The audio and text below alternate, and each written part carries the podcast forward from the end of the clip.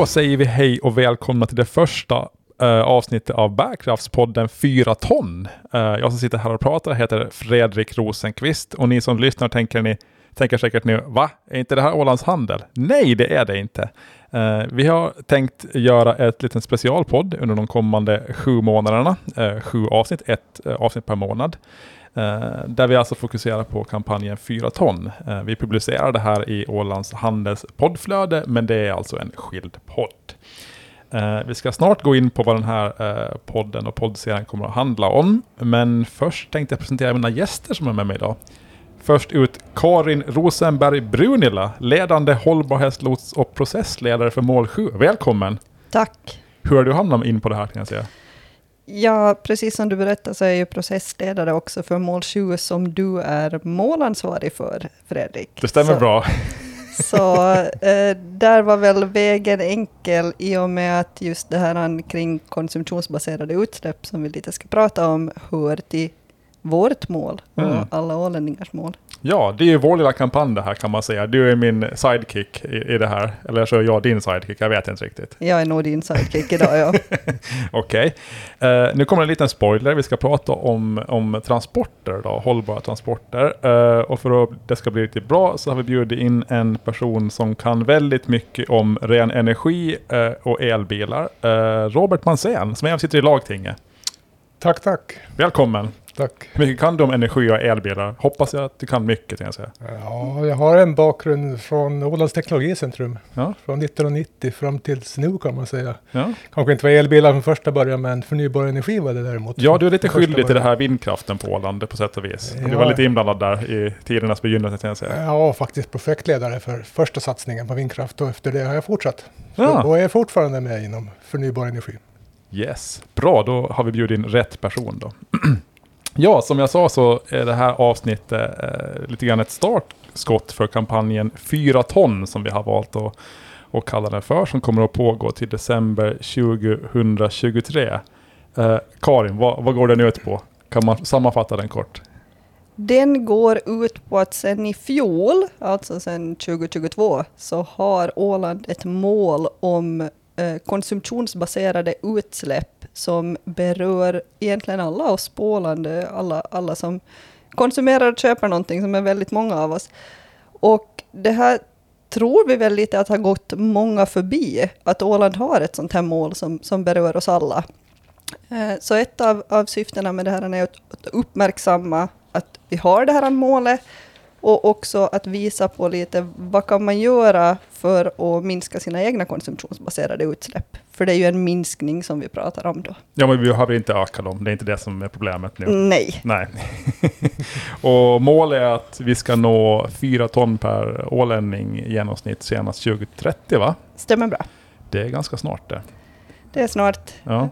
Speciellt med tanke på var vi sannolikt ungefär ligger idag. Mm, vi ska så. prata om det om en liten kort stund. Um, men först då, vad, vad, är konsumtionsbaserade utsläpp och vad skiljer dem från andra typer av klimatmål? Sådär? vi pratar ju dels om, om sådana produktionsbaserade utsläpp eller uh, utsläpp för olika ter territorier. Uh, och de så är ju aktiviteten som sker inom ett land eller uh, till exempel på Åland. Och, och de utsläppen så ger vi upphov av här. Men vi köper ju in massa grejer, importerar massa grejer. Och de utsläppen räknas inte med i de här då produktionsbaserade utsläppen. Uh, så så de, de skiljs åt ganska drastiskt. Det är två helt olika saker. Okej, okay. så om man tar ett exempel. Om jag köper en iPhone, då syns inte det i Ålands utsläpp, för den produceras inte här. Men de konsumtionsbaserade utsläppen så är jag skyldig till dem sådär. Ja, om, om det är du som köper dem så då kan man ju säga det att, att det, det är ditt inköp som har gjort att det har funnits ett behov av den här produkten. Ja. Uh, men den har sannolikt, om det är en iPhone, så har den ju helt säkert tillverkats någon annanstans. Ja. Varför är det vettigt att prata om de här också, konsumtionsbaserade och inte bara produktions? Jag tycker det är väldigt viktigt också när man tar, tänker på de produktionsbaserade utsläppen så, så pratar vi om aktiviteter som berör alla företag och, och offentlig sektor också här. Och det är svårt att motivera till ett hållbarhetsarbete där. Varför ska de satsa väldigt mycket på klimatåtgärder som lönar sig om vi, för, för svaret på, på frågan liksom hur vi kan minska våra utsläpp blir ju i så fall väldigt enkelt. Det är ju liksom import, då mm. minskar vi ju, om vi bortser från de, de konsumtionsbaserade utsläppen, då blir ju svaret på den frågan import. No. Men vi vill ju verkligen gynna dem lokalt som mm. försöker. Så, så de här hänger liksom jättemycket hand i hand tycker jag, att pratar man om det ena, det, det är lättare att mäta produktionsbaserade utsläpp eller utsläpp som vi ger upphov till här. Men vi kan inte lämna bort det andra för då missgynnar vi alla som vill göra saker här lokalt mm. och som vill ha konkurrensfördelar av det. Ja, just det. Så och, om man till exempel då bara mäter produktionsbaserade, så om man köper en ost som är tillverkad i, i Danmark så uppger, ger det upphov till noll eh, gram koldioxid i våra utsläpp. Men om man köper den på Åland så ger det upphov till x antal gram och det här är lite knäppt. Sådär. Precis, om, om man bara skulle prata om produktionsbaserade så, så innebär det att jo, en åländsk ost som är tillverkad här finns i våra utsläpp. Mm. Den danska osten har inga utsläpp och det, det hör vi ju själva att det låter helt galet. Ja, men om man tar konsumtionsbaserat så spelar det ingen roll var man köper den egentligen. Sådär. Precis så. Går det att hänga med Robert? jo, det går att hänga med, men det är klart, lite fara finns det ju. Jag förstår när man får det beskrivet, men jag tror för gemene man kan det bli ganska råddigt faktiskt, mm. om man ska vara riktigt ärlig med produktions och konsumtionsbaserade utsläpp. Men, men som du beskrev det, Karin, så, så blir det ganska enkelt att förstå. Mm. Ja, man, jag, jag, tror det är viktigt att definiera just sådär. Ja. Nej, om, man, om man pratar om konsumtionsbaserade, då, då kan vi inte im, alltså liksom exportera våra, våra liksom utsläpp eller, eller importera dem. Sådär. Det blir liksom mer ja, rättvist på sätt och vis. Sådär. Det blir rättvist, och jag tycker, eller mer rättvist i varje mm. fall. Och jag tycker också just det här med, om man igen tar till exempel våra lokala företag som, som satsar på sitt hållbarhetsarbete, de vill ju också ha konkurrensfördelar av det här. Mm. Uh, men om, om ingen annan heller bryr sig, om ingen, annan, ingen annat land bryr sig om, om de konsumtionsbaserade utsläppen, då får ju inte heller våra företag en fördel där som satsar på sitt klimatarbete. Nej. Så, så ja, de, de, för mig så hänger de jättetätt ihop och jag tror att pratar man om det ena så kan man inte bortse Nej. det andra. Nej, de här konsumtionsbaserade kan man väl påverka själv lättare också. Om man bor på Gotland, så man kan inte göra så mycket åt att det råkar finnas en betongfabrik där liksom. Precis så. liksom, ja. Hur, målet är att de, här, den, den, de utsläpp vår konsumtion ger upphov till ska minska till, till 4 ton. Hur, hur ligger vi till idag? Vet man det?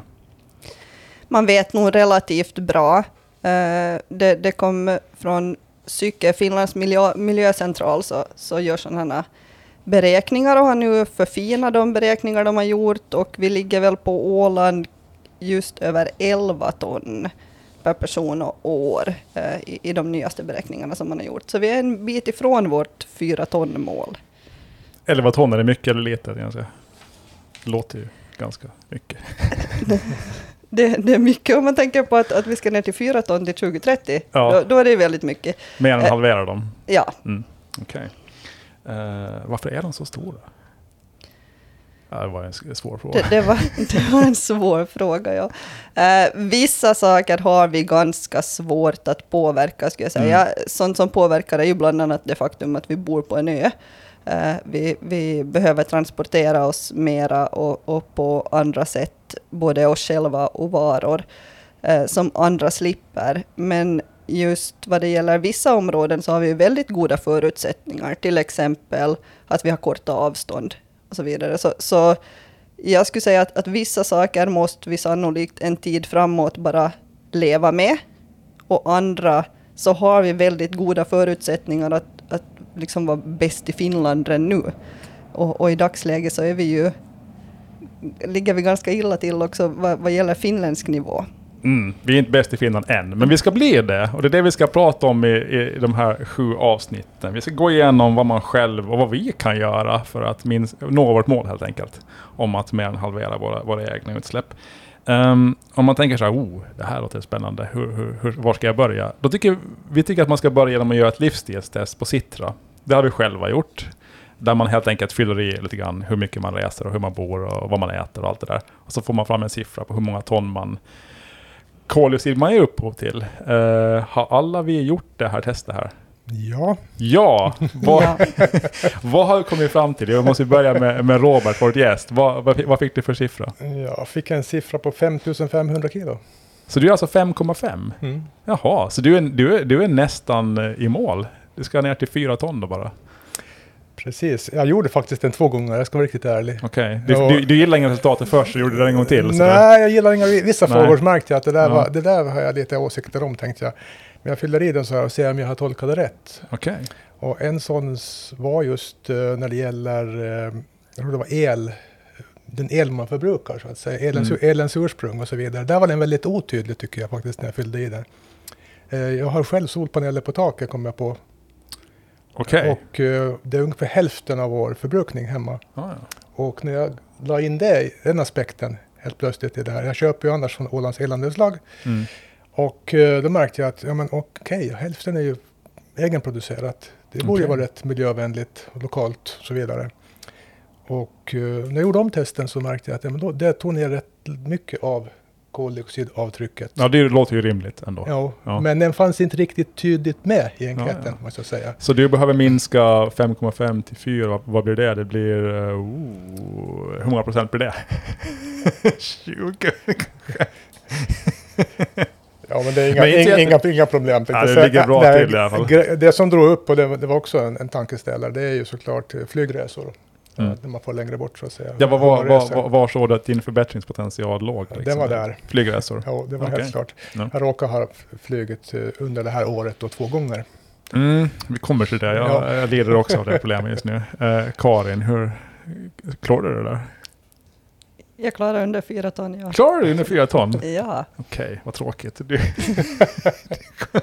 känner mig kanske inte färdig. Det, Nej, det fanns okej. ju för, förbättringspotential där också. Men eh, ja, eh, jag, jag tog det idag Mm. för säkerhets skull och då låg jag på 3,9. ja, det är där på ribban alltså. Det är där på ribban. Ja. Förra gången jag tog det, när, när vi hade det som en uppgift här i, i ett annat sammanhang, då var jag 3,7. Jag hade sparat en liten printscreen från det. Okej. Så, så jag vet inte vad jag fyllde i egentligen annorlunda idag. Det kan vara att jag hade tagit någon mera båtresor, ja. kanske mest sannolikt. Mm. ja. Eh, ni är ju inte alls representativa för resten av Åland. Egentligen. Ni ligger betydligt lägre än, än resten av ålänningar. Om det snittet är 11 sådär. Men eh, jag drar Ja. upp snittet lite grann. Uh, 7,5 ton fick jag.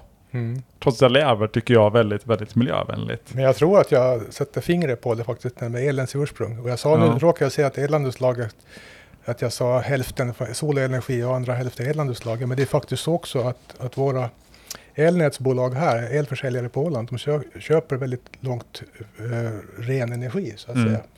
Så även den borde vara lägre tycker jag än den här enkäten visade. Ja, okej. Ja. Ja. Så du hör, jag är lite kritisk till den. Lite, ja, men det ska man vara. Man ska inte köpa allt med hull. Jag är också kritisk till den. Ja. 7,5 ton, det låter ju som att jag skulle vara liksom, jag vet inte Ja. vad. Men eh, jag har ju benat ut då vad det här beror på.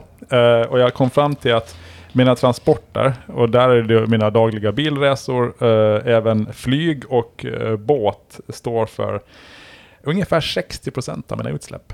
Mhm. Alltså mer än hälften. Så där måste ju någonting hända, men det är tur, vi ska ju prata om det här idag. Eh, jag hade lite otur i fjol för jag, jag, jag råkade flyga, jag flyger inte i normala, normala fall. Men en båt blev inställd till ett land jag måste ta mig till, eh, Polen. Och då var jag tvungen att flyga. Eh, så det var lite otur, jag flyger inte normalt. Så det drar det upp lite och sådär. Men vad, vad tror ni? Är, är jag representativ för resten av Åland? Är transporter en stor del av våra utsläpp? Ser det ut så här för många eller är jag extrem? Det tror jag inte att du är. Alltså ser man till hela Finlands snitt och konsumtionsbaserade utsläpp, då är det ju mobilitet, transporter som är vår största Mm. del. Eh, Så, så är det så på dig, så är det för att det är så nästan på alla. Eh, Sen är det ju värt också att nämna att de här psykesiffrorna så är ju betydligt högre till exempel än snittet av de som har tagit det här Citra-testet. Där låg ju snittet på under 7 ton Okej. eh, som sannolikt har att göra med att psykesberäkningar är mer omfattande än det här Citras test som ändå har valt ut några få faktorer för att folk också ska gör, orka göra testet. Eh, men men eh, ja. Sen ljuger man ju också när man gör självskattningar. Det är sådär när man frågar folk om deras alkoholvanor och allt möjligt. Det är liksom, ingen dricker och alla är med i Mensa och någon själv får bestämma sådär. Så det, de, de har sina svagheter ju. Eh, ja. Så jag vet inte om, om de här, de kan ju också vara lägre just för att många som är väldigt intresserade av sina konsumtionsbaserade utsläpp kanske har lägre. Ja.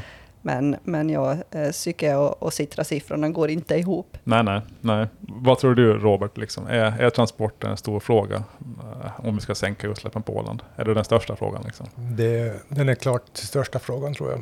Eh, Själva transportsidan och trafiken är nog den sida vi kan göra störst förändring och avtryck. Jaha, vad bra, då har vi någonting att prata om, det kan jag säga. Eh, hur, hur mycket måste vi minska utsläppen från transporter för att nå våra mål? Vet vi det? Liksom. Jag måste ju minska dem jättemycket, annars går det. Men är det liksom... Jag är inte så säker på att vi måste minska lite, kanske, i och med att jag är lite tekniknörd, jag har varit på Teknologicentrum i 27 år och så vidare och sett utvecklingen. Så jag brukar ju säga att, att eh, om man kan liksom eh, transporteras på ett miljövänligt sätt Mm. så tycker jag att man behöver alltid tänka på att man måste spara och minska. Okej. Utan man Ja. kan ju utveckla istället Mm. och göra det effektivare. Ja. För det, att, att stoppa upp allting, det tror jag inte på. Det, det, jag tror mer på att göra det rätt och göra det. Ja, nej, men jag håller med. Jag ska komma till det. Man måste ju ta sig någonstans. Men om man tar det här transporten då. Det, om, man, om man går och benar de där siffrorna så blir man lätt snurrig. Ehm, för om man tänker på liksom, utsläppen från transporter, då tänker man ju oftast på ja, men bensin då. Mm. Men sen ska ju bilar byggas eh, och det, det leder till CO2-utsläpp. Sen ska man ju ha vägar att köra på, det är också utsläpp. Och sen ska man ju ha däck då som man ska byta var tredje år typ. Och sen ska det finnas eh, tankstationer och, och broar och allt möjligt och sådär. Hur uppkommer utsläppen från transporter? Vad, vad, hur många procent står vad för och sådär? Hur kan man bena ut det här på ett enkelt sätt? Den, den frågan får jag överlåta till vår expert. Ja. Åh, tack. man, alltså det är väl helt rätt i det att, att eh, det, då talar jag emot det jag just sa egentligen, att det, det, Mm. det borde inte vara ett problem att, att om man bara har rätt bränsle och så vidare så är det inga utsläpp. Men det är klart att det är utsläpp i hela kedjan, Mm. från tillverkning till, till fordonsbränsle etc. Klart att det här spelar in. Eh, ja, vad man kan göra. Jag bara funderar, vad, är vad var din fråga egentligen? Jag, tänkte, jag kommer knappt ihåg den själv. Ja. Men om man tar då mig som exempel och sådär. Ja. Jag, jag har ju funderat då så här, hur, vad jag skulle kunna göra för att minska mina egna transportutsläpp. Ja. Och jag, jag har ju pratat om det här med Karin och ojat mig. Jag, jag kan inte transportera mig så himla mycket mindre. Av den enkla anledningen av, av mitt ena barn går på dagis. Snart kommer båda mina barn gå på dagis. Och det är 12 kilometer enkel väg till dagiset. Och det finns ingen cykelväg. Och det går ingen buss dit. Eh, Jag ser inget annat sätt att transportera mig och mina barn dit på ett säkert sätt än i bil. Mm. Jag skulle kunna cykla, men det skulle vara förenat med livsfara känner jag, i och med att det är väldigt sådär krokiga vägar och folk kör väldigt fort och sådär. Mm. Vad, vad gör man då? Vad vi borde göra egentligen, det är, att elektrifiera kollektivtrafiken. Okej. Det tror jag skulle vara en... För jag är lite så här också när man säger att åk mer buss. Ja, men då bör vi också se till att bussarna är renare så att säga Mm. i sina utsläpp. Så att, eh, och där ligger vi efter när det gäller elektrifieringen av kollektivtrafiken. Och det tycker jag är lite märkligt. Vi Hur, kommer, hur kommer det sig? Jag tror vi har eh, också delvis i våra upphandlingskriterier inte riktigt kanske värderat eh, el, elektrifieringen tillräckligt högt. Mm. Det tror jag är en del orsak till det hela.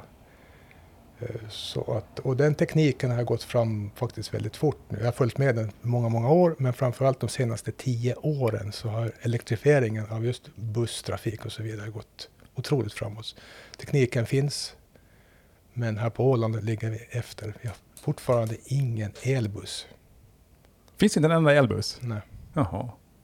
Ja, jag, jag, jag, hör, jag åker inte buss så ofta som ni hör. Du åker buss, Karin? Jag åker buss.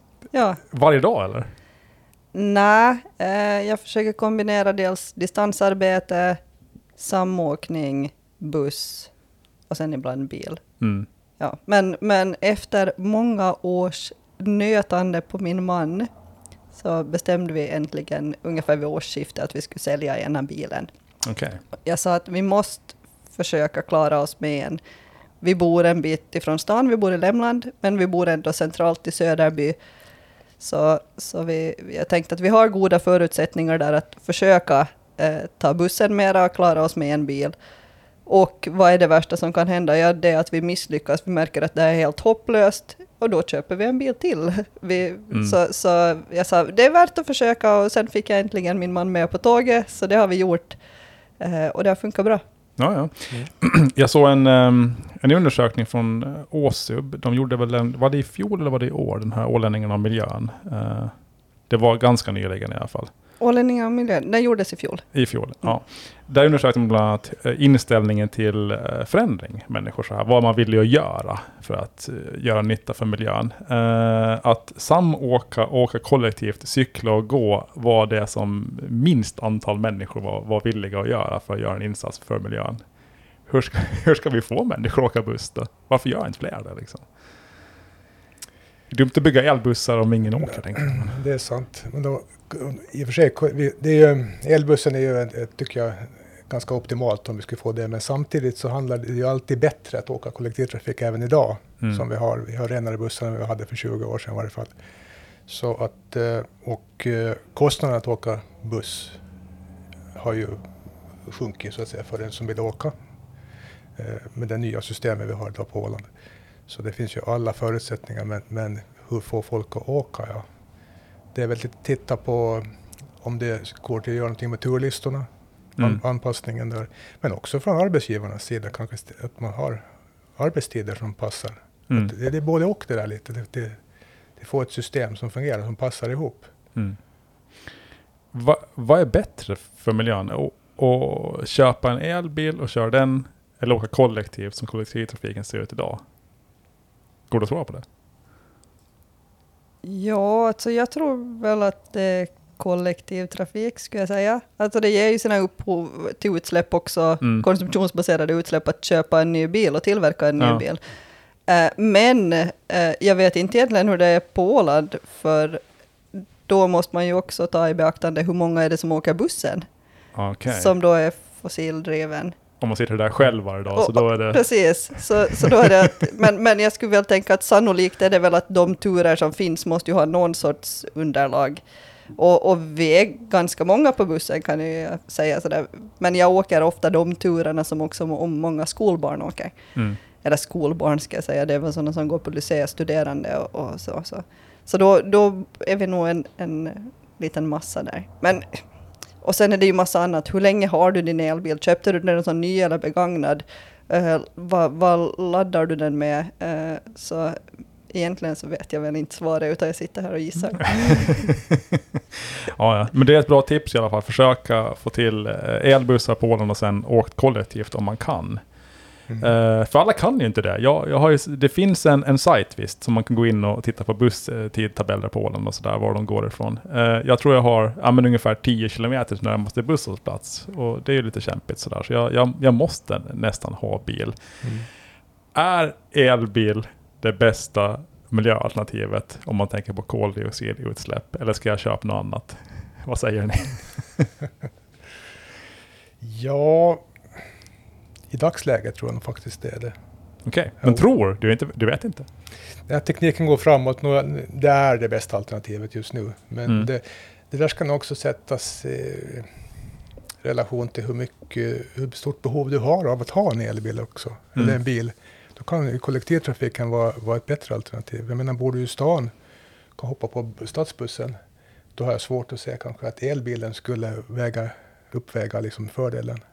Mm. Att köpa en, en eh, elbil som också, som du säger, har också utsläpp. Så om om man bor i, i Ytternäs så kanske inte en elbil. Ja. Kanske inte, men jag tror ändå det, det, du är på rätt spår om du satsar Ja. på elbilen i varje fall. För det är just inom, inom transportsektorn som sagt som vi har de stora utmaningarna. Och elbilen har börjat bli så färdig som, som teknisk produkt Mm. fungerande. Så att eh, den här elbils... eh, jag ska säga, rädslan för att du inte ska komma fram, batteriet tar slut och så vidare, som har funnits också mycket diskussioner kring. Det med- det den tiden är ju förbi. Idag kan du köpa en elbil som du verkligen, du kan fara till Stockholm och handla och komma tillbaka med samma, elbil, med samma Mm. laddning och så vidare. Mm. Så anpassningen, tekniken har gått framåt och så vidare. Så att eh, det, köper man en ny bil i varje fall så kan man inte fundera på något annat än en elbil hoppas jag. Mm. Är det så att tillverkningen av elbilar har ett högre liksom, eh, klimatavtryck än tillverkningen av bensinbilar? Att man därför liksom, det tar ett tag att tjäna in den så här rent miljömässigt. Är det fortfarande så eller, eller börjar det där jämnas ut sig? Du vet, batterier ska ju tillverkas av allt möjligt. Mm. Nu har den väl något högre skulle jag tro. Mm. Eh, sen visar väl nog det, det mesta att, att den känner in sig. Det skulle väl vara om, om sk man skulle råka på något helt måndagsexemplar, men det kan du ju råka oavsett om du köper en elbil eller en fossildriven bil. Eh, men, men när man pratar om konsumtionsbaserade utsläpp så tar man ju i regel i beaktande tre olika saker. Det är liksom typ av vara, eh, det är mängden, vilket kan vara mängden liksom i kilo eller det kan också vara eh, antal. Eh, och sen också produktionsland. Mm. Eh, eftersom olika länder har liksom olika, speciellt energimixen ser olika ut. Så det betyder ju att en elbil, beroende på dens vikt och produktionsland och så vidare, så har ju inte identiska utsläpp med en annan elbil. Samma sak med, med fossilbilar. Eh, så jag skulle säga att, att kikar man på det och, och vill göra ett bra val, jag, jag håller helt överens med, med Robert att jag tror att eh, ska man köpa en ny elbil så skulle jag nog inte fundera på något annat än elbil. Eh, eller en, en, en- ny, en ny bil så skulle jag inte fundera på något annat än elbil. Eh, Okej. så, eh, men eh, där är det ju sådär att, att ha ett, man behöver kanske inte köpa en som har en extremt mycket längre räckvidd, alltså också större Mm. batteri än vad ens dagliga behov är. Eh, köpa en bil som, in, som, som ja, är optimerad för, för dina dagliga behov, som också kan vara kanske lite mindre, eh, om, om det inte är väldigt många som ska transportera sig i den bilen. Och också kanske kika lite närmare på att, att var och hur är den här producerad. Eh, Okej. ett, en bil är ju ett stort inköp som man gör som man skulle rimligtvis borde ha tid att, eller ta sig tiden att sätta sig in i, i lite sådana aspekter också. Att eh, dels eh, kanske man är intresserad av det tekniska men också eh, hållbarhetsaspekter och, och vad, hur, hur tillverkas den här bilen egentligen och var. Ja, okej. Ja, jag, jag spontant köpte min förra bil faktiskt. Ja, men egent, alltså det bästa är ingen bil alls, men om man måste ha en bil, elbil. Och då är det så liten elbil som möjligt, men att liksom behoven får styra där då. Så ska jag säga, men, men sen igen, vi har, Ja. vi har ju en, lite av en expert här så han får gärna kommentera. Ja, det är stor skillnad på vilken elbil man köper. Är alla lika bra eller dåliga för miljön och sådär? Eller hur, hur ska man tänka? Nej, men jag håller med, jag håller med Karins resonemang helt och hållet. Men en sak som jag vill kanske ändå säga att jag tror faktiskt när det gäller batterikapaciteten så, så ska man nog... Ja, mitt råd är att köpa en med tillräckligt mycket kapacitet, för annars finns det en risk också att elbilen så att säga förbrukas i- i förtid. Det vill säga att du, du är liksom alltid och, och tar ut allt ur bilen så att säga för att få det att räcka till. Så de här laddningscyklerna blir ganska täta och det belastar liksom batterierna, vilket gör att de föråldras. Och då kommer ju problemet att de ska tas om hand. Alltså både vid tillverkning och efteråt så är de, är de en miljöbelastning. Så vi är ju i ett skifte här när vi äntligen har väldigt dålig batteriteknik i våra elbilar. Miljömässigt. Så visst, inte är det bara guld och gröna skogar som man kan säga i det här fallet. Men, men, men, men det, finns, det finns något att göra inom, inom teknikutvecklingen.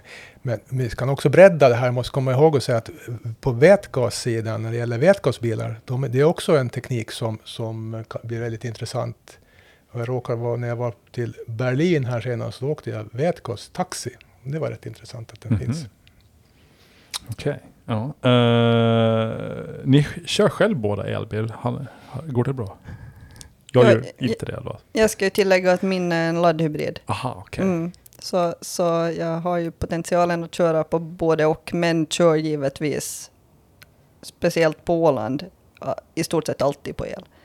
Eh, Men den har ju begränsad räckvidd, så den är på det viset optimerad av, efter mina dagliga behov, men färdas jag utanför Åland så är det nog, bli- blir det en del fossildrift i och med att den då har så litet batteri, så, så far jag längre så skulle jag behöva stanna väldigt ofta för att ladda det här batteriet. Mhm, okej.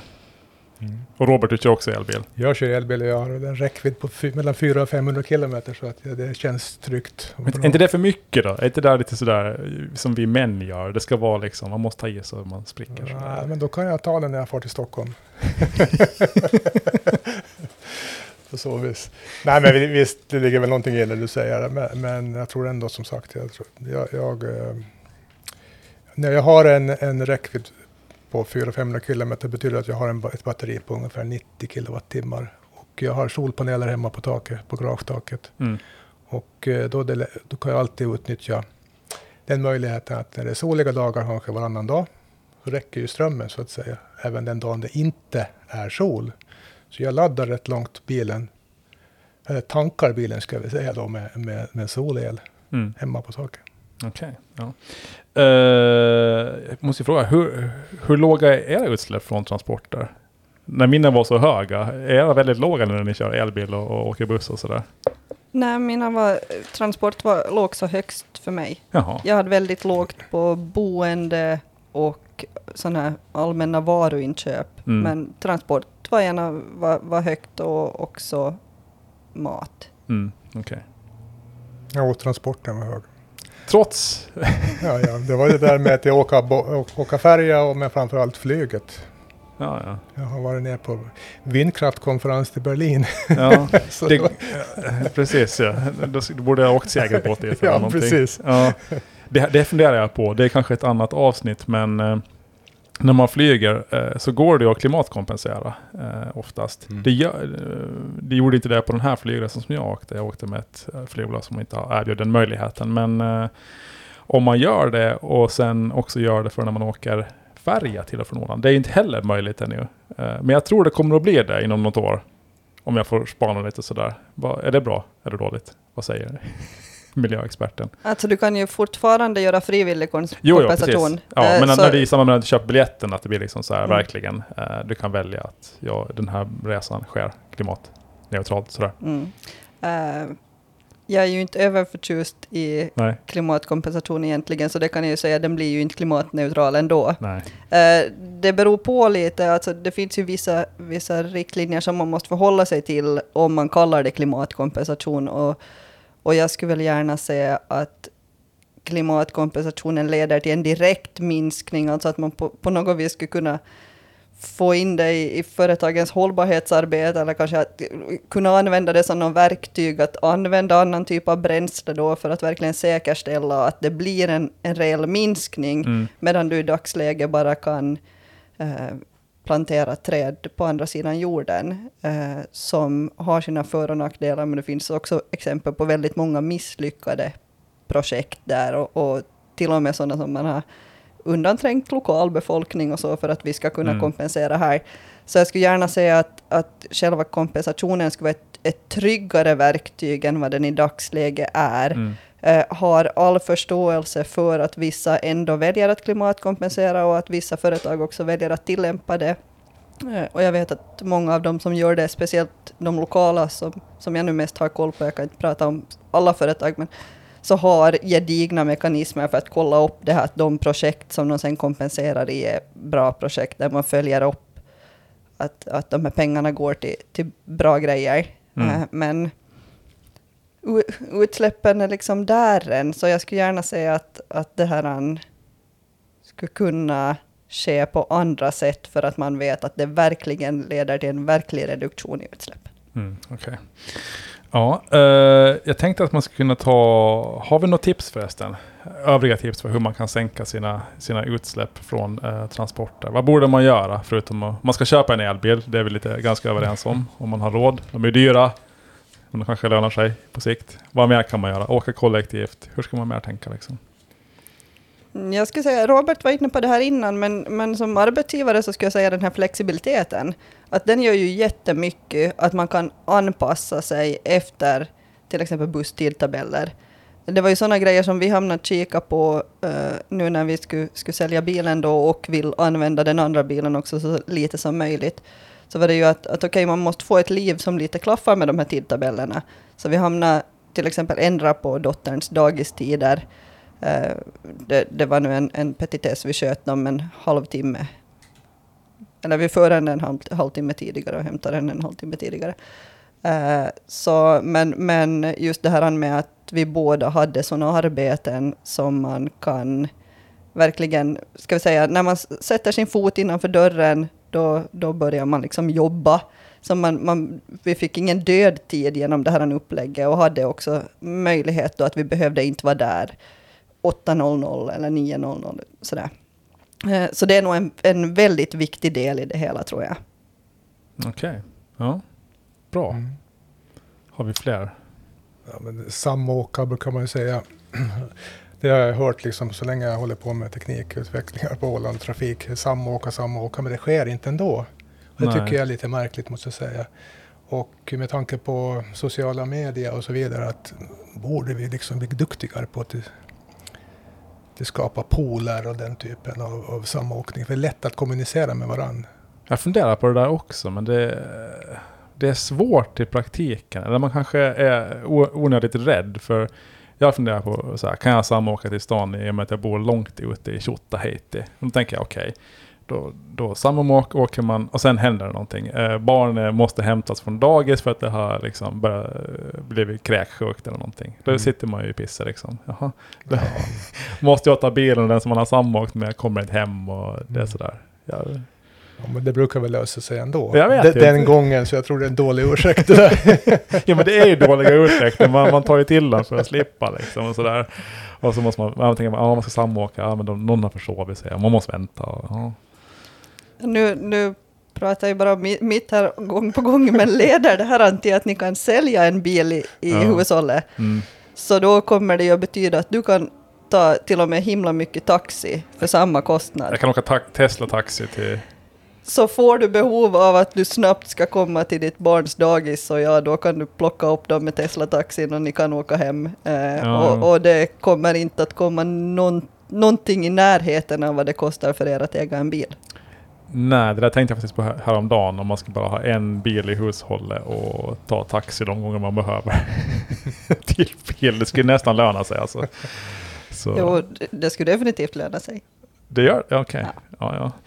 Uh, spännande. Um, jag tänkte som en lite sån här avrundning på det här samtalet så ska vi så här spekulera i, nu, nu är ni ju själva ganska bra uh, så här utsläppsmässigt och sådär, men har ni tänkt på några konkreta steg som ni själva kan ta för att minska era utsläpp uh, från era transporter? vad skulle det kunna vara? Har ni någon sån här checklist att det här borde jag göra, det här ska jag göra det kommande året? Eller är det så här, nej men det är alltid bra? Karin? Nej, alltså allt, allt är väl inte bra. Som jag sa så var det ju en av, av de största eh, utsläppen som, som jag hade. Men jag håller nog lite på att vänja mig med det här ännu att vi har, har bara en bil. Eh, och, och du har tänker, ju nyligen tagit ett stort steg. Så, det... så jag har inte funderat på det så jättemycket just nu. Eh, är också relativt minimalt med andra resor. Jag tar liksom färjan och åker och hälsar på, på min familj där nu som då. Men just nu så är jag ganska nöjd och mm. så får du fråga igen om två år så då är jag kanske redo igen. Jaha, okej. Okay. Mm. Robert, har du några funderingar? Ja, men visst, jag måste ju krypa till korset och säga att jag har ju två bilar. oj. ja, oj. Nej, men det, och det är väl den andra bilen då som, som är en bensinbil som borde bytas mot en elbil eller hybridbil. Mm.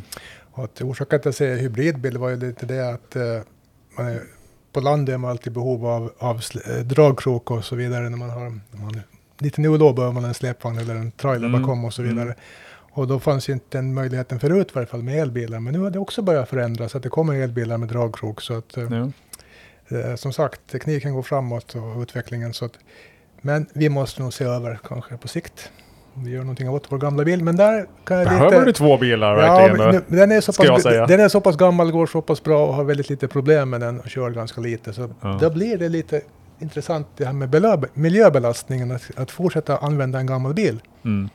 Tycker jag inte man alltid måste känna sig som en miljöbov. Det handlar liksom om när man byter den sen, att hur man tänker då tycker jag. Mm. Man ska, att inte bara konsumera så att säga, som vi har varit lite inne på här också. Mm. Dyft tycker jag på ett bra sätt. att det är inte alltid så där köp nytt och köp bättre, utan man måste värdera, kan vi använda det som vi har längre? Mm. Um, Vi har, visst, ni sa ju tidigare att det, man ska, om man ska köpa en ny bil så behöver man inte ens fundera, det ska vara en elbil. Är laddhybrider och hybrider uteslutna? Ska man inte ens tänka på det? Eller är det en möjlighet? Jag tänker en nackdel som man framhåller där är ju att det egentligen är, två, två tekniker att ta hand Mm. om. Alltså du har, så, så på det viset så finns det ju sina nackdelar. Uh, ja, alltså min, min laddhybrid är sex år gammal, så jag tänker det har ju hänt jättemycket där också på, på de här sex åren som har passerat. Så jag skulle kanske inte ha, ha fattat samma beslut idag som jag gjorde då. Eh, men ja, det, det får jag väl igen då passa till, till Robert. Jag skulle säga att, att vanliga hybrider är uteslutna. Det, är ju, det som man gör där är ju mer eller mindre att, att du minskar lite din bensinförbrukning. Mm, ja. Men, men primära, pri, primära drivmedel där är ju ändå fossila bränslen. Mm, den är ju låg jämfört med en, en vanlig bensinbil, fast inte jättemycket lägre i dagens läge. Så. Mm. Så, så, men, men ja, jag, jag skulle säkert idag, ska jag köpa en ny bil idag så skulle det nog bli en hel el. Hel el. Vad säger Robert? Är det no-brainer med he hel el? Nej, men jag tycker för det första tycker jag Karin, jag håller med helt i ditt resonemang där. Eh, Jag tycker inte heller att hybridbilen är ett dåligt alternativ, men det är nog ett, ett mellanting under teknikens utveckling på ett vis. Man kör runt, som du säger, med två olika tekniker med framdrift i, i samma bil. Den är ganska tung Mm. och då är det nog laddhybriden som är det, det kloka alternativet. Att ladda med bensin så att säga, det låter ju lite märkligt. Mm. Så att eh, elens ursprung ska vi komma ihåg, är väldigt viktigt. Annars ska inte ens elbilen heller miljövänlig beroende på hur du producerar elen. Så det, det, är, det är hela kedjan man måste tänka på. Mm. Men, men, nej, men den har ett, ett utrymme nu, hybridbilen, och den utvecklas också. Så att, Mm. men men vi går nog mot att det blir bara elbilar i det fallet tror jag. Mm. Det finns ju när ni säger det, så det, jag vet att nu har jag bara varit in på en biltillverkares hemsida och läst, men eh, jag var in på Volkswagen då, ingen reklam för Volkswagen i övrigt, men de hade ju väldigt fina förklara hela liksom livscykel över sina elbilar, var, vart allting tillverkades och vilka planer de, framöver de har på att tillverka så mycket som möjligt, så rent som möjligt. Mycket ska tillverkas i Europa och det ska tillverkas med, med ren energi och sådär. Sen Mm. spelar det också stor roll vilken alltså el man laddar bilen med. Om man har hemma, om man har valt grön el, då blir ju också eh, påverkan mindre i form av utsläpp. Sådär. Ja, Ja, stämmer bra. Så är det, du har helt rätt, du uppfattar, korrekt. du uppfattar rätt. Ja, jag, jag har ju det största jobbet jag gör då, i och med att jag har så stora utsläpp från mina, mina resor. Men eh, jag har väl tänkt så här, jag ska återgå till min, min, min bojkott av flyg då. Jag, jag flyger ju inte egentligen. Det, det var bara ett olycksfall i arbetet för, Mm. förra året på grund av en storm i Polen som inte jag rådde över riktigt och jag måste ta mig till Polen. Men eh, sen är jag faktiskt börjat jobba på distans nu. Det kan ju vara ett bra sätt. Ja. Då slipper man ju köra sina Mm. 70 kilometer om dagen när man bor i obygden och sådär. Så jag, jag, jag ska prova jobba hemifrån här nu hela, hela sommaren och få se hur det går i höst och sådär. Mm. Men sen ska jag försöka köpa en elbil då framöver. Fick vi dig övertygade? Ja, det, jag har inte köpt den nu så vi får se lite grann. Det är ju en liten kostnad och så men det är väl det man kan göra sådär. Jag, jag, jag, jag måste ha en bil så att kanske man, familjen klarar sig på en bil. Jag får återkomma till den frågan. Jag måste Mm. förankra det hemma också. Mm. Får vi se. Eh, ja. Eh, har vi missat någonting? Har vi pratat om allt? Nej, jag tänkte sådär när, när vi lite pratade om hur, hur man kunde minska själv, så jag får väl lägga mitt hopp här till elbussarna då. Så, så då, det minskar ju mitt, i och med att det nu är mitt färdsätt. Mm. Elbussar och att de gör en sväng via eh, Bergö i Finström där jag bor då. Så jag skulle nog ha buss på, på, till stan. Det skulle vara det allra bästa tycker jag. Förhoppningsvis inte samma buss som kommer att hämta mig, men Nej, det tar det så här Nå- sju timmar att komma på jobb ungefär. ja, då, då ökar nog min mängd distansarbete skulle jag säga. Mm. Jag kan sakna att åka kollektivt. Jag har inte gjort det sedan jag bodde i, i, i Sverige på till exempel 1800-talet. Men man, man kan ju läsa böcker och sånt. Mm. Det är svårt när man kör bil. Ja, det är jätteskönt. Alltså jag tycker det, det är kanske den skönaste stunden under dagen. Mm. Så man bara får lite sådär landa, förbereda sig för arbetsdagen, tänka vad jag har jag på gång nu? Man behöver inte fokusera på någonting. Mm. Eh, Man behöver inte bli irriterad på några bilar i vägen som man annars när man kör får lite road rage ibland. Mm. Utan man bara sitter och tar det lugnt och allt går som det går. Man behöver inte göra någonting. Nej, slippa vara irriterad på mopedbilar. Det ska vara skönt. Det var väl kanske det jag ville nämna. Men Bra. Eh, om man vill veta mer om den här kampanjen då framöver, hur ska man bete sig då? Förutom att lyssna på det här igen då. jag ska säga att man kan gå in på bärkraft.ax. Mm. Där kommer vi att samla eh, material från den här kampanjen och, och lite sådär tips och råd och fakta. Mm. Så det är mitt främsta. Eller följa oss på Facebook eller Instagram. Yes. Robert, du hade någonting? Jo, innan du rundar av, måste jag, Ja. en grej som jag tror, tycker vi missar lite, kanske inte kommer ihåg att ta upp så mycket, det är inom kollektivtrafiken så är ju skärgårdstrafiken. Men det kanske inte är som den, den enskilde medborgaren så att säga kan påverka så mycket. Nej, det är Men svårt. det, men eh, det är en del av kollektivtrafiken faktiskt, men absolut. som påverkar rätt mycket utsläppen. Jo. Hur den ska se ut. Ja, man kan väl påverka genom att komma med önskemål på att den ska elektrifieras då. För det är väl det som är bäst. Eller? Det, det är kanske en jättestor fråga vad de ska drivas. Ja, den är jättestor igen. Det kan ni kanske ta upp i ett nytt podd, Ja. poddavsnitt. Ja, ja. Det, Nej, det, behöver, på- det behöver inte alltid vara bara el, utan det kan vara metanol och Mm. ammoniak och så vidare. Men, men att se på alternativa bränslen, Mm. eh, det, det, Nej, jag såg någon gång någon, någon, någon siffra på det där när man liksom jämför alltså oljeförbrukningen i alla så här, ja, men, eh, oljepannor på Åland och jämför dem med hur mycket skärgårdstrafiken förbrukar. Det var inte till fördel för skärgårdstrafiken om vi säger så. Men ja, det är en, en, en, en sak som vi måste lösa. Um, I övrigt så är vi väl nöjda så då. Får vi önska lycka till alla där ute som eh, ska försöka minska sina utsläpp från transporter. Det, det är lite knepigt men det går nog tror vi. mm. Ja, bra. Då säger vi tack och hej då. Tack. Tack!